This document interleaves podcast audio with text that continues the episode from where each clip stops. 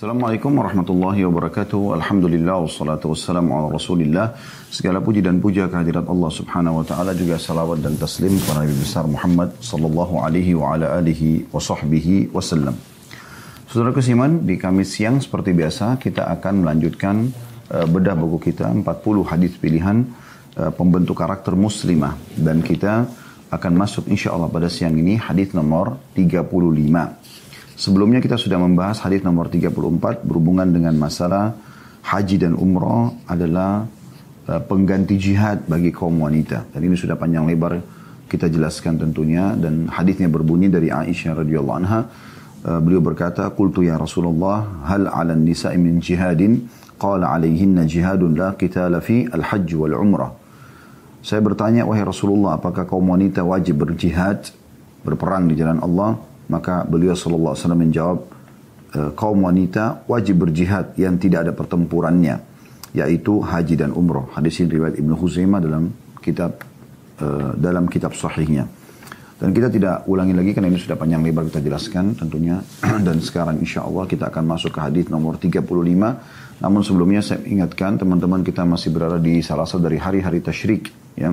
Hari ini kita berada di tanggal 12 dan insya Allah biidnillahi ta'ala kita akan berada di hari terakhir besok, maka jangan sia-siakan bagi Anda yang belum berkurban untuk menyempurnakan uh, amal soleh di hari-hari mulia ini dengan berkurban dan pilihlah hewan yang terbaik tentunya pada saat Anda berkurban untuk Allah Subhanahu wa taala. Uh, kalau Anda mampu berkurban sendiri maka itu sangat baik. Kalau Anda tidak mampu Anda bisa partisipasi bersama dengan beberapa orang tentunya yang bisa Anda ajak. Uh, seperti anda sudah tahu sapi dan unta bisa sampai tujuh orang ya. Kita akan bacakan hadisnya dari Asma radhiyallahu anha anna imra'atan sa'adat Rasulullah sallallahu alaihi wasallam faqalat ya Rasulullah inna ibnati asabatha al-hasbatu fatamarraka sya'ruha wa inni zawwajtuha fa asilu laha fihi qala faqala la'ana Artinya bahwa seorang wanita bertanya kepada Rasulullah Sallallahu Alaihi Wasallam, wahai Rasulullah, anak perempuan anak perempuanku terkena penyakit campak sehingga rambutnya rontok dan saya akan menikahkannya. Bolehkah saya menyambungkan rambutnya? Beliau Sallallahu Alaihi Wasallam menjawab, Allah melaknat wanita yang menyambung rambut dengan rambut lainnya dan minta disambungkan. Hadis ini riwayat Bukhari, Muslim dan juga Ibnu Majah. Hadis ini secara zahir teman-teman sedang membahas tentang masalah uh, perawatan bagi kaum wanita sebenarnya. Lebih tepat seperti itu kita bahasakan ya. Uh, perlu anda ketahui bahwasanya dalam Islam boleh seseorang itu merawat diri. Bahkan sangat dianjurkan. Banyak sekali dalil berhubungan dengan masalah ini. Misal sabda Nabi SAW berhubungan dengan rambut. Karena hadis ini disinggung masalah rambut. Masalah rambut tentunya. Uh, yang berbunyi, Man kana lahu sya'ar fal yukrimhu Siapa yang Allah karunia rambut maka dia harusnya memuliakannya, merawatnya, ya, menjaganya. Jadi bagaimana Nabi SAW juga peduli uh, tentang menyisir pun beliau mengajarkan untuk umatnya. Ya. Dan Nabi SAW praktekkan beliau lagi itikaf di masjid saja, beliau sempat memasukkan kepalanya ya, melalui pintu rumah beliau yang nyambung dengan masjid uh, karena beliau tidak pulang ke rumah pada saat itikaf lalu disisirkan rambutnya oleh Aisyah radhiyallahu anha. Ini menandakan bagaimana memang hal ini dianjurkan dalam Islam dan bagaimana seseorang kalau Allah karunia rambut yang bagus, yang bersih, yang uh, rapi, yang dia rawat, maka dia juga lebih percaya diri. Dia juga lebih percaya diri. Maka ini eh, teman-teman sekalian yang uh, perlu diperhatikan oleh setiap muslim dan muslimah ya. Demikian juga kita tahu dalam Islam tempat-tempat yang biasa mengeluarkan bau juga ya dianjurkan dalam Islam untuk merawatnya.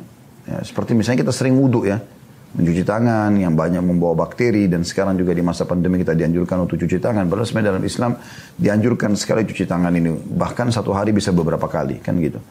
Uh, kemudian uh, kumur-kumur mengeluarkan bau mulut dan anjurannya adalah madmada dalam bahasa Arab kumur-kumur maksimal dengan uh, membiarkan air ya berkecamuk di dalam mulut kita sehingga ber, membersihkan seluruh yang ada di antara gusi, gigi, Dan dianjurkan juga untuk memasukkan jari telunjuk supaya membersihkan di antara gusi ini atas dan bawah. Uh, kemudian juga kita tahu ada istinsyak atau menghirup air ke hidung dengan kuat. Kata Nabi SAW, kalau aku tidak, uh, kalau kalau kalian sedang istinsyak maka kuatkanlah. Ya. Kecuali kalian sedang puasa, uh, karena kalau puasa dikhawatirkan masuk ke dalam ya. Kemudian ada istinthar setelahnya, itu mengeluarkan air dengan tangan kiri. Ya. Juga dengan kuat, sehingga kotoran di hidung tidak ada lagi insya Allah yang maaf saya bahasakan ini ngupil-ngupil misalnya itu sudah dibersihkan dengan uh, air wudhu tadi. Kemudian juga wajah ya dicuci ya sehingga bersih uh, dari segala macam jenis kotoran, debu dan segala macamnya. Kalau kita bicara masalah wudhu berarti bisa dikatakan sehari beberapa kali kita mencuci wajah ini ya. Uh, tentu juga masuk dalamnya kepala ya, kemudian kuping ya, kemudian tengkuk ya, leher Kemudian juga telapak kaki. Belum lagi ada anjuran juga untuk mandi. Ya, ada anjuran juga untuk mandi. Dalam Islam, mandi itu bisa mubah hukumnya, bisa sunnah, bisa juga menjadi kewajiban ya. Dia menjadi mubah kalau Anda cuma sekedar mandi saja, secara umum Anda merasa gerah Anda mandi. Tidak ada niat apa-apa. Hanya murni supaya tidak gerah. Ya. Di saat itu Anda mendapatkan hukum mubah. Tapi dia bisa menjadi sunnah bisa menjadi pahala khusus sebenarnya. Kalau diniatkan merawat tubuh yang Allah amanahkan ya. Bagaimana Allah amanahkan tubuh ini maka kita merawatnya. Bisa menjadi wajib kalau dia berhubungan dengan hukum syar'i yang memang mewajibkannya seperti orang mandi junub, mandi yang suci bagi wanita dari haid dan nifas ini uh, bisa menjadi wajib tentunya. Dan dalam Islam mandi kita tahu makin bersih makin bagus. Kita tahu ibadah haji dan umroh juga ya itu di uh, anjuran untuk mandinya ada, bahkan membersihkan tubuh sebersih-bersihnya.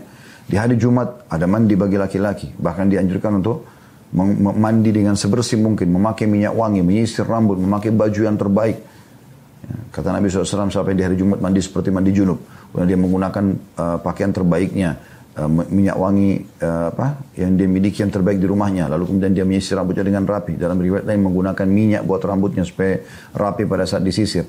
Kemudian dia ke masjid, dia tidak memisahkan antara dua orang. Kemudian dia mendengarkan khutbah dan dia sholat Jumat kecuali dibersihkan dosa-dosanya yang lalu. Jadi Allah subhanahu wa ta'ala menghubungkan antara pembersihan dosa dengan kebersihan tubuh. Ya. Bagaimana juga anda tahu uh, penduduk Kuba, ya, Masjid Kuba di kota Madinah, mereka dipuji oleh Allah subhanahu wa ta'ala karena mereka suka sekali bersuci. Ya, Allah subhanahu wa ta'ala berfirman dalam Al-Quran, A'udhu billahi minasyaitonir rajim, la masjidun ussisa ala taqwa min awal yawmin ahaqqu an taquma fi fihi rijalan yuhibbuna an yatatahharu wallahu yuhibbul mutahhirin. Yang artinya masjid yang pertama dibangun ya, di asas tak ketakwaan itu lebih layak kau berdiri di atasnya hai Muhammad, lebih layak kau berdiri di atasnya atau sholat di dalamnya gitu kan. Uh, di sekitarnya ada laki-laki yang suka sekali bersuci dan Allah suka dengan orang-orang yang bersuci. Uh, sebagian ulama mengatakan karena penduduk sekitar Kuba mereka selain beristinja mereka beristijmar. Maksudnya cebok dengan air juga mereka cebok dengan batu. Kan biasanya batu itu digunakan kalau air tidak ada ya, umumnya seperti itu. Tapi ini subhanallah mereka gunakan keduanya. Dan Allah mengatakan Allah suka sekali dengan orang-orang yang suka membersihkan diri. Dan ini luar biasa gitu. ya. uh, kemudian kita juga tahu uh, Nabi SAW mengatakan dalam hadis sesungguhnya dunia ini dicinta, dunia kalian dicintakan padaku karena dua hal. Karena adanya wanita, istri, ibu, anak, perempuan yang disayangi. Dan juga adanya ya minyak wangi. Ya, minyak wangi. Jadi memang itu bagian daripada agama kita. Bahkan Nabi SAW mengatakan sebaik-baik parfum bagi laki-laki yang uh, lembut warnanya tapi keras baunya. Dan gitu. Itu anjuran yang luar biasa gitu. Maka ini eh, teman-teman sekalian perlu di Eh, perhatikan baik-baik. Belum lagi hadis Nabi SAW yang berbunyi, Inna Allah jamil, yuhibbul jamal. Allah indah, Allah suci, Allah sempurna. ya Allah rapi, dan Allah menyukai semua itu. Kita lihat bagaimana surga. Allah subhanahu wa ta'ala janjikan semuanya dengan kebersihan dan kerapian. Semuanya keindahan, semuanya kemewahan gitu kan. Allah janjikan istana dari emas dan perak. Allah janjikan eh, sungai-sungai uh, mengalir dari susu, dari madu, dari uh, minuman anggur yang tidak memabukkan dari air tawar yang manis ya. dan sekian banyak uh, janji-janji Allah Subhanahu wa taala yang tidak terhingga bidadari dan bidadaranya yang sangat cantik dan tampan gitu kan dipuji oleh Allah Subhanahu wa taala penciptanya memuji dalam Al-Qur'an dalam surah Al-Rahman dan Al-Waqi'ah Ya, kemudian uh, juga dalam uh, surah At-Tur ya uh, disebutkan juga tentang masalah bidadara laki-laki. Intinya mereka Allah gambarkan seperti mutiara yang indah gitu kan. Kemudian juga uh, buah-buahan surga semuanya berkualitas. Uh, digambarkan bagaimana hari surga muka mereka berseri-seri karena bekas nikmat Tuhan mereka dan seterusnya pakaian mereka dari sutra dan sekian banyak dalil yang menjelaskan masalah ini. Kalau kita ingin simpulkan teman-teman apa yang kami bahasakan tadi, Islam menyuruh anda merawat diri anda. Nah, Islam menyuruh anda rapi dan bersih, anda tampil cantik dan gagah, gitu kan? Semampu mungkin. Gitu.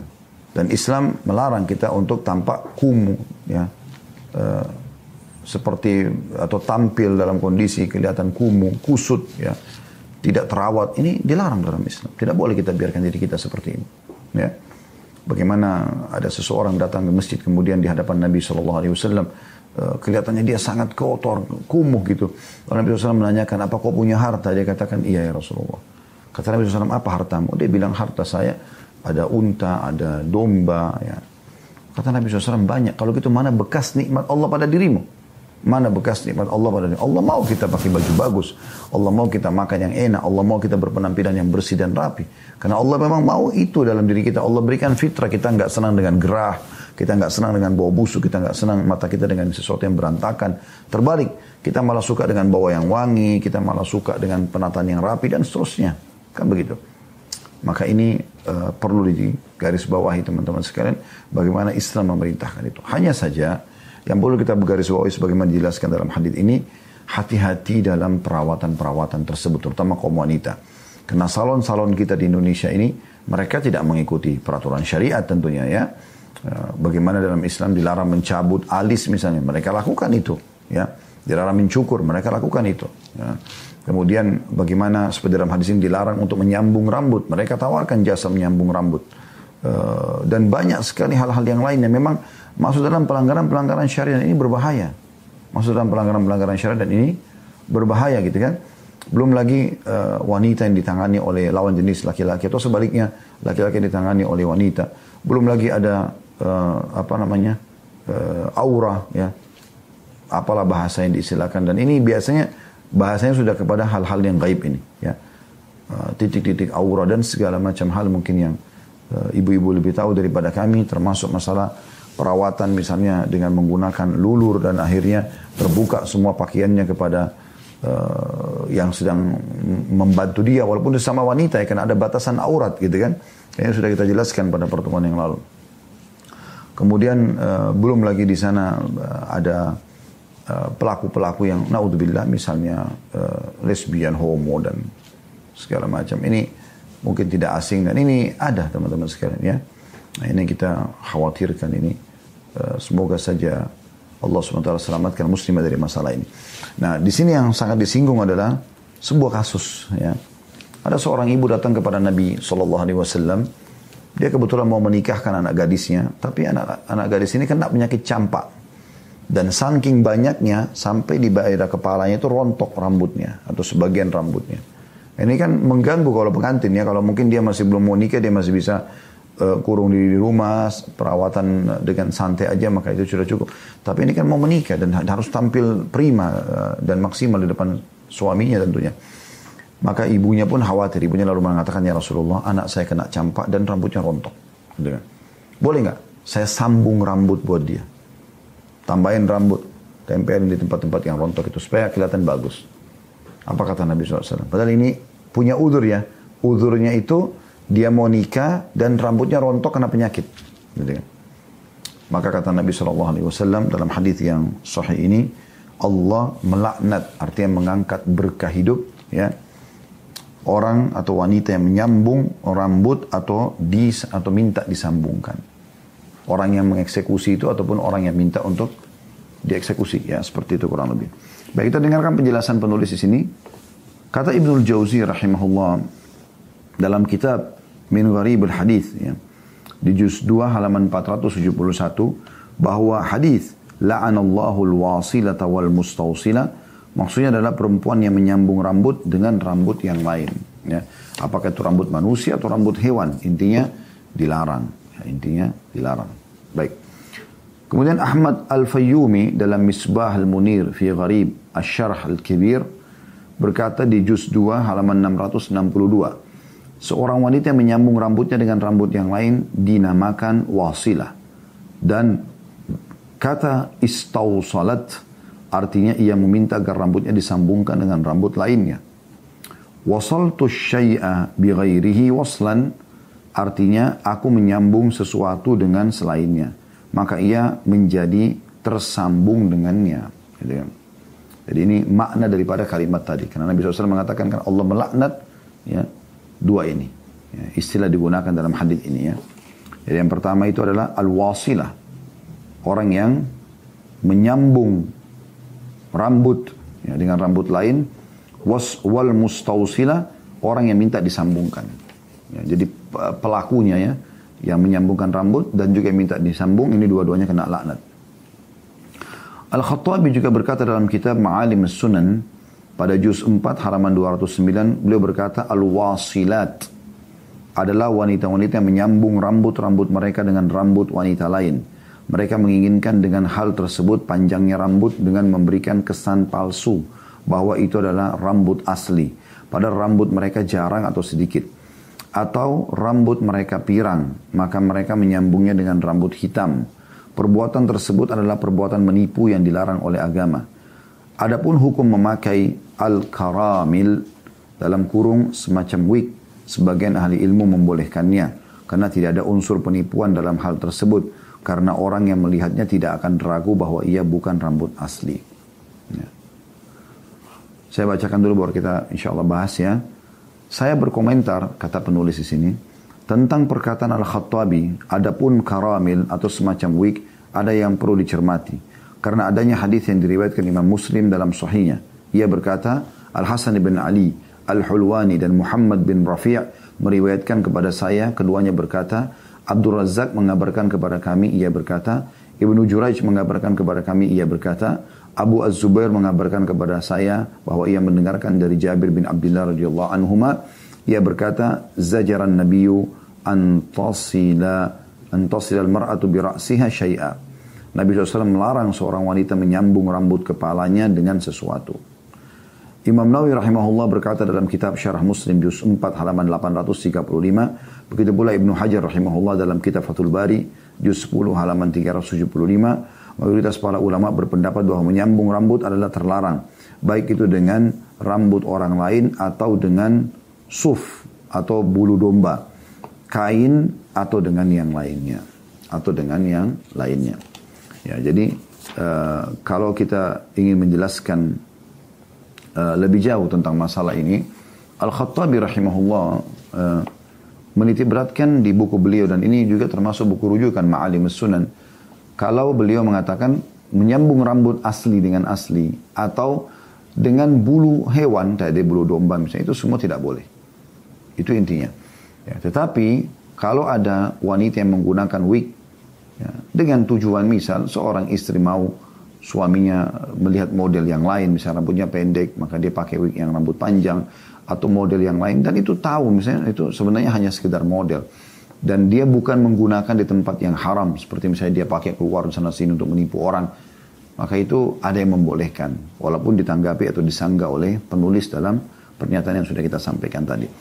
Uh, tapi kalau kita bicara wig itu berarti masih ada yang membolehkan ada yang tidak membolehkan. Cuman kalau menyambung rambut secara langsung ini yang dijelaskan tadi tidak dibolehkan ya dengan alasan apa pun. Dan perhatikan di sini padahal dia jelas ya uh, punya udur syar'i di sini Baik. Bagaimana dengan orang yang rambutnya gugur? Ya, sekarang kan lagi banyak itu ya.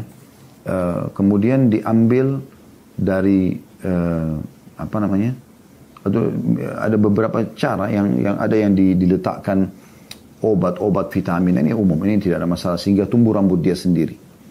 Ada juga yang e, ditanamkan rambut yang diambil dari tubuh dia sendiri, dari rambut tubuh dia sendiri. Ya.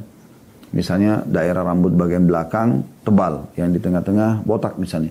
Diambillah sebagian dari sini kemudian ditanamkan. Apakah itu boleh? Ini pernah saya tanyakan kepada Syekh Ziyad Hafizahullah di Jordan. Beliau mengatakan kalau itu boleh. Ya, ini menurut pendapat ya, yang saya sempat dapatkan. maka itu masih dibolehkan karena dari rambut dia sendiri sebenarnya. Dan dia bukan menyambung rambut, karena rambutnya sudah tidak tumbuh ditanamkan di situ ya.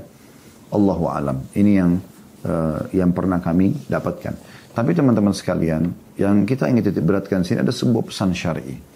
Bahwasanya seseorang itu boleh tampil cantik, boleh tampil gagah, boleh tampil ya uh, semaksimal mungkin dalam penampilan dia, tapi dia harus menjaga. Dia harus menjaga mana yang boleh dan mana yang tidak boleh dalam syariat Allah Subhanahu wa taala. Tidak boleh dia sembarangan. Ya, ini saya pernah uh, satu waktu menjemput uh, istri di satu tempat ya. Dia kebetulan mampir ke salon dan dia membahasakan salon itu khusus untuk perempuan semuanya, tidak ada laki-laki di situ, maka saya sempat izinkan gitu ya. Uh, tapi uh, setelah itu alhamdulillah dia sudah tidak pernah lagi ke tempat itu karena saya melihat sendiri. Ya, pada saat saya sempat mau menjemput, saya melihat memang ada seperti potongan rambut yang digantung ya dari jauh tentunya. Nah, saya menanyakan itu untuk apa? Uh, jawab dengan salah satu uh, petugas di situ ya. Uh, itu untuk sambung rambut. Nah, ini kan sudah jelas ya. Seperti itu. Jadi ada pelanggaran syari di situ. Yang kita khawatirkan teman-teman kalau kita berada di sebuah tempat yang memang itu terjadi pelanggaran agama, justru jangan sampai ada hukuman Allah datang kemudian ya membuat apa namanya uh, kita malah kena juga ya Sebagaimana Allah sebutkan dalam Al-Quran, A'udzubillahi minasyaitonirrajim, wattaqu fitnatan la tusibanna alladhina zalamu minkum khassa. Hati-hatilah kalian kata Allah SWT kepada hukuman yang tidak menimpa orang yang zalim di antara kalian saja. Maksudnya orang beriman pun bisa kena kalau dia ada di situ. Makanya dia harus menghindari tempat-tempat kemaksiatan ini. Supaya jangan sampai kalau turun hukuman Allah dia pun kena ya. Seperti itu gambarannya. Dia harus lebih hati-hati. Ya, harus lebih hati-hati. Sama juga tadi saya sempat singgung. Hati-hati wahai muslimah banyak muslimah karena dia pikir dia sesama wanita, maka nggak masalah. Semuanya serba terbuka. Nah, ini berbahaya. Di antara wanita juga ada yang lesbian. Di antara wanita ada yang hasad. Ya, Ini hati-hati. Lesbian itu dia tertarik dengan tubuh Anda, dia tertarik, maaf, dengan kemaluan, dengan segala macam. Ini kan bisa terjadi. Anda terbuka begitu saja. Anda bisa lulur diri sendiri di rumah misalnya tidak harus menggunakan jasa orang lain karena itu sudah sampai pada titik-titik yang memang cuman Anda harusnya bisa melakukan itu. Atau mungkin Anda bisa minta tolong sama suami itu hal yang berbeda. Mungkin suami bisa lakukan hal yang halal. Tinggal minta tolong bisa nggak saya dibantu begini. Itu kan boleh gitu. Kalau suami istri. Tapi kalau uh, sesama wanita pun tidak boleh. Apalagi kalau sampai laki-laki yang melakukannya ya. Nah, ini termasuk tidak boleh. Sama juga dengan masalah pijat ya. Pijat yang Pijat-pijatnya ini sebenarnya teman-teman bukan karena orang sakit, bukan karena patah tulang, apa boleh buat, maka ada ahlinya yang bisa memijat, itu lain. Kita tidak bicara, tapi yang umum orang cuma relax, ya, refleksi, uh, hanya untuk melancarkan darah dan segala macam. Ini hati-hati sekali. Karena kalau yang tanganin Anda uh, lawan jenis ya, itu berdua di ruangan ber-AC, ya, jelas sekali sabda Nabi SAW kalau dua orang laki-laki dan perempuan sedang bersama, maka yang ketiganya adalah syaitan gitu kan. Maka dia harus lebih hati-hati tentunya. Walaupun mungkin ada orang yang bisa ngontrol, tapi itu sulit sekali. Ya. Jadi bagaimana seseorang muslim dan muslim lebih hati-hati dan dia lebih peduli dengan uh, apa mendahulukan imannya daripada yang lainnya ya sehingga dia terus terjaga tentu dia terus terjaga di atas keimanan tersebut. Uh, karena saya lihat ini muslimah banyak ya, lalai dengan masalah ini. Mereka masuk tempat refleksi laki-laki yang tanganin gitu. Walaupun kadang-kadang cuma kaki, tapi akhirnya dia harus menggulung sampai ke betis dan seterusnya hanya sampai ke masalah-masalah leher, eh, apa kepala dan segala macam gitu. Demikian juga dengan masalah uh, kerembat ya bagi laki-laki biasa ditangani oleh perempuan atau perempuan ditangani oleh laki-laki. Nah, ini semua ya hal-hal yang harusnya dihindari oleh setiap muslim dan muslimah dan bagaimana Anda bisa menghidupkan suasana ini sebenarnya di rumah bersama keluarga, bersama istri ya, bersama suami. Ini hal yang lebih baik ya, lebih positif ya. Yang dia akan uh, apa namanya? lebih jauh dari pelanggaran-pelanggaran agama. Ya, ini hal yang perlu digarisbawahi sebagai tambahan informasi ya karena ini memang berhubungan dengan masalah itu. Uh, demikian juga bagaimana hukumnya kalau uh,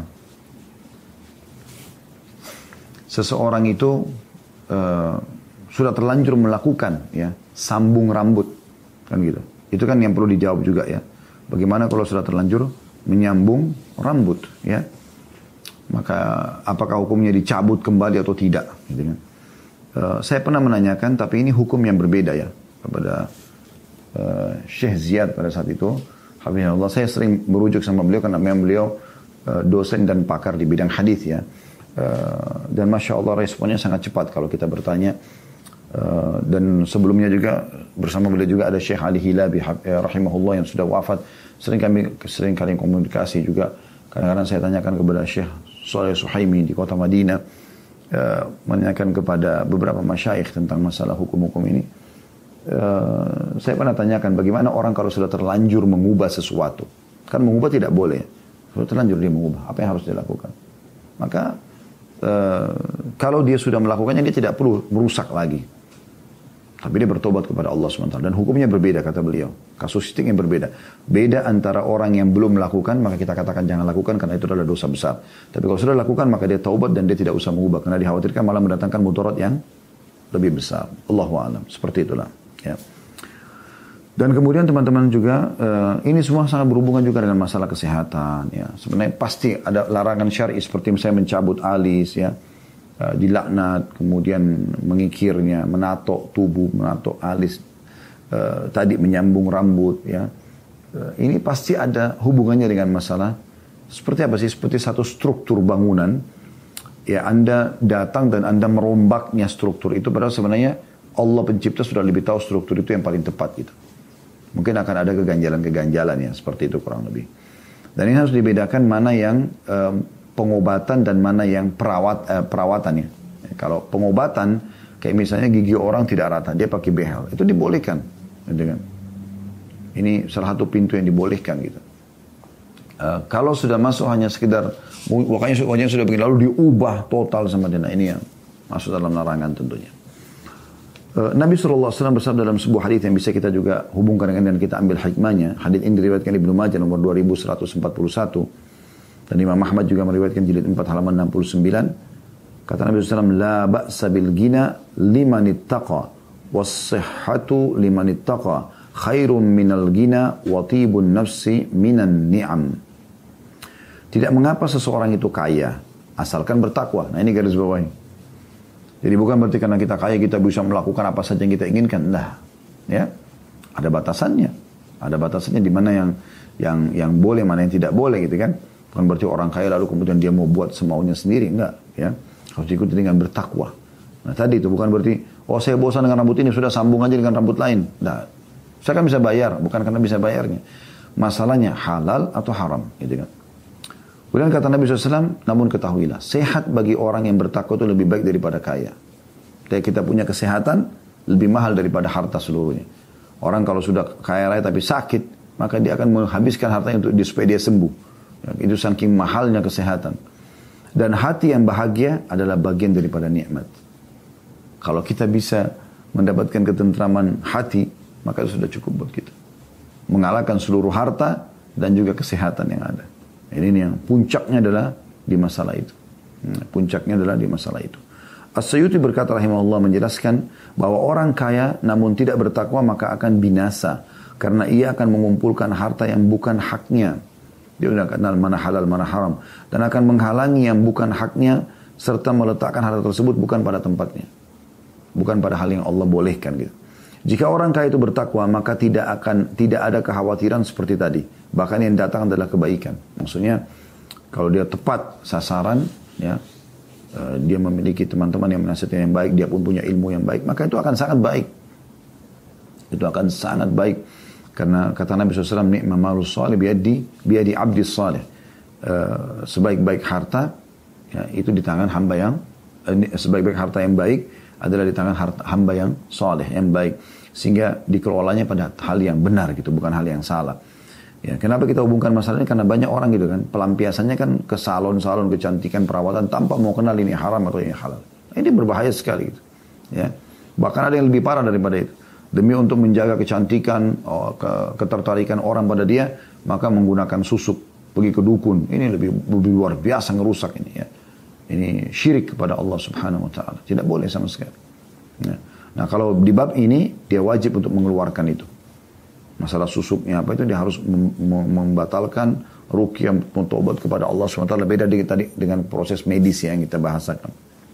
Ada juga hadis Jabir bin Abdullah radhiyallahu anhuma bahwasanya Nabi sallallahu alaihi wasallam bersabda, Ayuhan nasu taqul ayuhan nasu wa ajmilu fit talabi fa inna nafsan lan tamuta hatta tastawfiya rizqaha wa in abta'a anha fattaqullah wa ajmi'u fit talabi khudhu ma halla wa da'u ma harum. Wahai umat manusia kata Nabi SAW bertakwalah engkau kepada Allah dan tempulah jalan yang baik dalam mencari rezeki. Ya. jadi jangan sampai buka salon lalu cari harta yang haram. Tidak mau peduli. Pokoknya itu haram pun tidak ada masalah. Di salon kita bisa kok semuanya. Tidak. Ya. Dan tempuhlah jalan yang baik dalam mencari rezeki.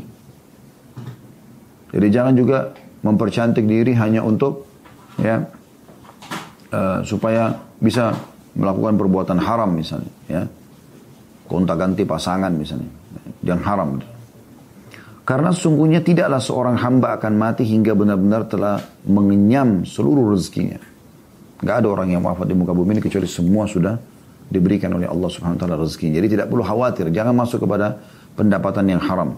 Dan tempuhlah jalan yang baik dalam mencari rezeki. Tempuhlah jalan-jalan mencari rezeki yang halal dan tinggalkan yang haram. Hadis riwayat Ibnu Majah nomor 2144. Kenapa kita sebutkan ini teman-teman sekalian? Karena memang banyak orang yang memfasilitasikan tadi yang dilaknat itu yang menyambungkan dan minta disambungkan. Nah, pegawai yang di salon yang menyambungkan rambut berdosa. Pemilik salonnya yang punya modal juga berdosa. Dan yang datang untuk disambungkan rambut juga berdosa. Dan ini kena laknat artinya diangkat berkah hidupnya. Saya pernah jelaskan ini. Kalau misalnya ada uh, seorang istri yang meninggalkan ranjang suaminya, misalnya dia jengkel marah sama suaminya, kan dilarang untuk meninggalkan uh, ranjang suami itu kamar suaminya ya. Uh, Nabi SAW mengatakan Allah melaknat bahkan Allah murka dengan wanita yang seperti ini. Bahkan tidak diangkat amal solehnya di atas kepalanya, gitu kan. Yang membuat suaminya marah sampai suaminya ridho. Karena suami di atas segalanya gitu kan. Uh, dalam hukum Allah SWT bagi seorang wanita. Tapi kata Nabi SAW, dilaknat. Nah, kalau dilaknat ini artinya gini. Kalau seorang muslimah hanya tersinggung sedikit saja oleh suaminya. Lalu kemudian dia pindah tempat tidur. Walaupun kamar anaknya di sebelah atau kamar dia yang dia tinggal di sekarang. Dia pergi ke hotel bintang 5 tetap tidak akan ada ketentraman. Kenapa? Karena dilaknat, artinya diangkat keberkahan hidup. Tidur gak nyaman, makan gak nyaman, hilang ketentraman hatinya. Itu makna laknat. Dan ini dilaknat orang yang menyambung rambutnya. Jadi dia mungkin pada saat itu merasa bangga, setelah itu semua hidupnya kesengsaraan, ya, penderitaan. Itu yang dimaksudkan di sini. Jadi harus hati-hati sekali. Ya. Jangan sampai salah dalam masalah ya, hal-hal ya, seperti ini. Dan Nabi SAW juga mengingatkan kepada kita agar menjaga, merawat selama kita hidup saja sampai ajal datang gitu kan. Dengan hal-hal yang dibolehkan dalam syariat. Kita, kita boleh makan, kita boleh minum, kita boleh berpakaian, kita boleh bergaul, kita boleh bekerja selama lima huruf halal. Tidak boleh hal yang haram. Berpenampilan yang halal. Tidak boleh yang haram. Ya. Dan Nabi SAW suruh kita maksimalkan itu. Hadis yang masyhur, hadis riwayat uh, Al-Hakim dan juga ini sahih sesuai dengan syarat Imam Bukhari Muslim Kata Nabi SAW, Iktanimu khamsan qabla khamsin. Raihlah lima hal sebelum datang lima hal. Yang pertama, syababaka qabla haramik. Masa mudamu sebelum masa tuamu. Artinya memang kalau orang sudah tua, sudah rontok rambutnya, sudah keriput, keriput dia sulit kan. Di masa muda boleh dia merawatnya. Di sini juga bermakna tentu makna yang paling nyata adalah bagaimana dia maksimalkan dalam ibadah kepada Allah Subhanahu wa taala. Dia meninggalkan yang haram semampunya. Yang kedua, wasihatika qabla sakamik. Sehatmu sebelum kamu sakit ya. Wa aka qabla fakrik. Kayahmu sebelum kau miskin. Sedekahkan cepat segera ya. Wa faragaka atau eh, faragaka qabla syuglik. Waktu lawangmu sebelum kamu tersibukkan. Yang terakhir wahayatika qabla mautik. Dan hidupmu sebelum engkau mati. Baik teman-teman sekalian, kita lanjutkan lagi. Uh, salah satu hal yang perlu digarisbawahi agar kita jangan berlebihan dalam masalah Eh, melangkah sehingga terjadi pelanggaran agama adalah qanaah, merasa puas dan cukup terhadap apa yang Allah berikan. Ini penting sekali teman-teman sekalian. Karena orang kalau tidak merasa itu, maka akan terus tidak akan pernah puas. Sesuai dengan sabda Nabi Shallallahu Alaihi Wasallam, ya, anak Adam itu tidak akan pernah puas sampai tanah kuburan dimasukkan ke dalam mulutnya, dimasukkan ke dalam mulutnya. Jadi ada orang karena tidak ada pikirannya sama sekali ke akhirat, tidak ada pikirannya dia ke masalah surga yang akan dia raih dan abadi di sana, maka pikirannya hanya pendek sebatas dunia saja. Dan orang seperti ini tidak ada kanaannya. selalu ya berlebihan dalam mengejar urusan dunia ini akhirnya membuat dia lalai. Dia lalai, dia tidak mau tahu lagi mana halal, mana haram. Tentu sisi yang lain, kita boleh dalam Islam memiliki harta, ya sebagaimana saya bahasakan tadi, boleh mengejar prestasi terbaik dari sisi pendidikan, dari harta, dari penampilan. Silahkan, selama tidak melanggar agama, gitu kan? Maka dibolehkan. Ini tidak masuk dalam bahasan yang sedang kita singgung tadi. Tapi ada orang karena inginnya mengejar dunia sampai lupa lagi atau tidak ada lagi pikirannya masalah halal ataupun haram dalam Islam. Ya, berlebihan. Makanya Nabi SAW mengatakan dalam sebuah hadis Bukhari Muslim, Laisal ghina an kathratil arad. Kekayaan bukan ini dari banyaknya harta. Bukan dari situ. Walakinnal ghina ghina nafs. Tapi kekayaan sebenarnya adalah adanya perasaan cukup dalam diri. Oh ya, saya cukup dengan ini. Ya, itu akan membuat orang jadi lebih lebih tenang, ya. Dan dunia ini sebentar kita akan lalui teman-teman sekalian. Tidak ada yang kekal di sini, kita akan lalui. Semua akan berlalu begitu saja dan harusnya bisa difahami oleh setiap orang yang berakal dari kaum muslimin. Dan juga supaya Anda tidak melanggar agama, sekali lagi saya bahasakan Anda boleh merawat diri, Anda boleh bahkan dianjurkan bahkan bisa dari mubah mandi tadi ya. Banyak hal-hal ya seperti mandi, uh, kemudian tidur, makan. Ini kan hukum asalnya mubah, boleh saja. Tapi bisa berubah jadi sunnah kalau Anda niatkan merawat diri anda niatkan memberikan hak badan tubuh yang sedang lapar, yang sedang gerah Anda mandi, gitu kan? yang sedang capek Anda istirahat. Semua ini bisa menjadi sunnah, bisa menjadi ibadah. Maka Anda bisa dapat pahala, tapi ingat, jangan berlebihan. Jangan sampai terjadi pelanggaran agama. Ingat selalu doa Nabi SAW yang mulia. Ini doa usahakan sering diucapkan. Di antara hal yang Nabi SAW ucapkan adalah Allahumma inni a'udhu bika min zawali ni'amik. Ya Allah aku berharap agar jangan sampai nikmat-nikmat ini hilang dariku nikmatmu ini hilang dariku. Wa tahawuli afiatik dan beralihkannya kesehatan ya kepada sakit ya. Wa fujaati nikmatik tiba-tiba datang hukumanmu. Wa jami'i sakhatik dan semua kemurkahanmu. Hadis ini sahih riwayatkan Imam Muslim. Nabi SAW selalu meminta itu.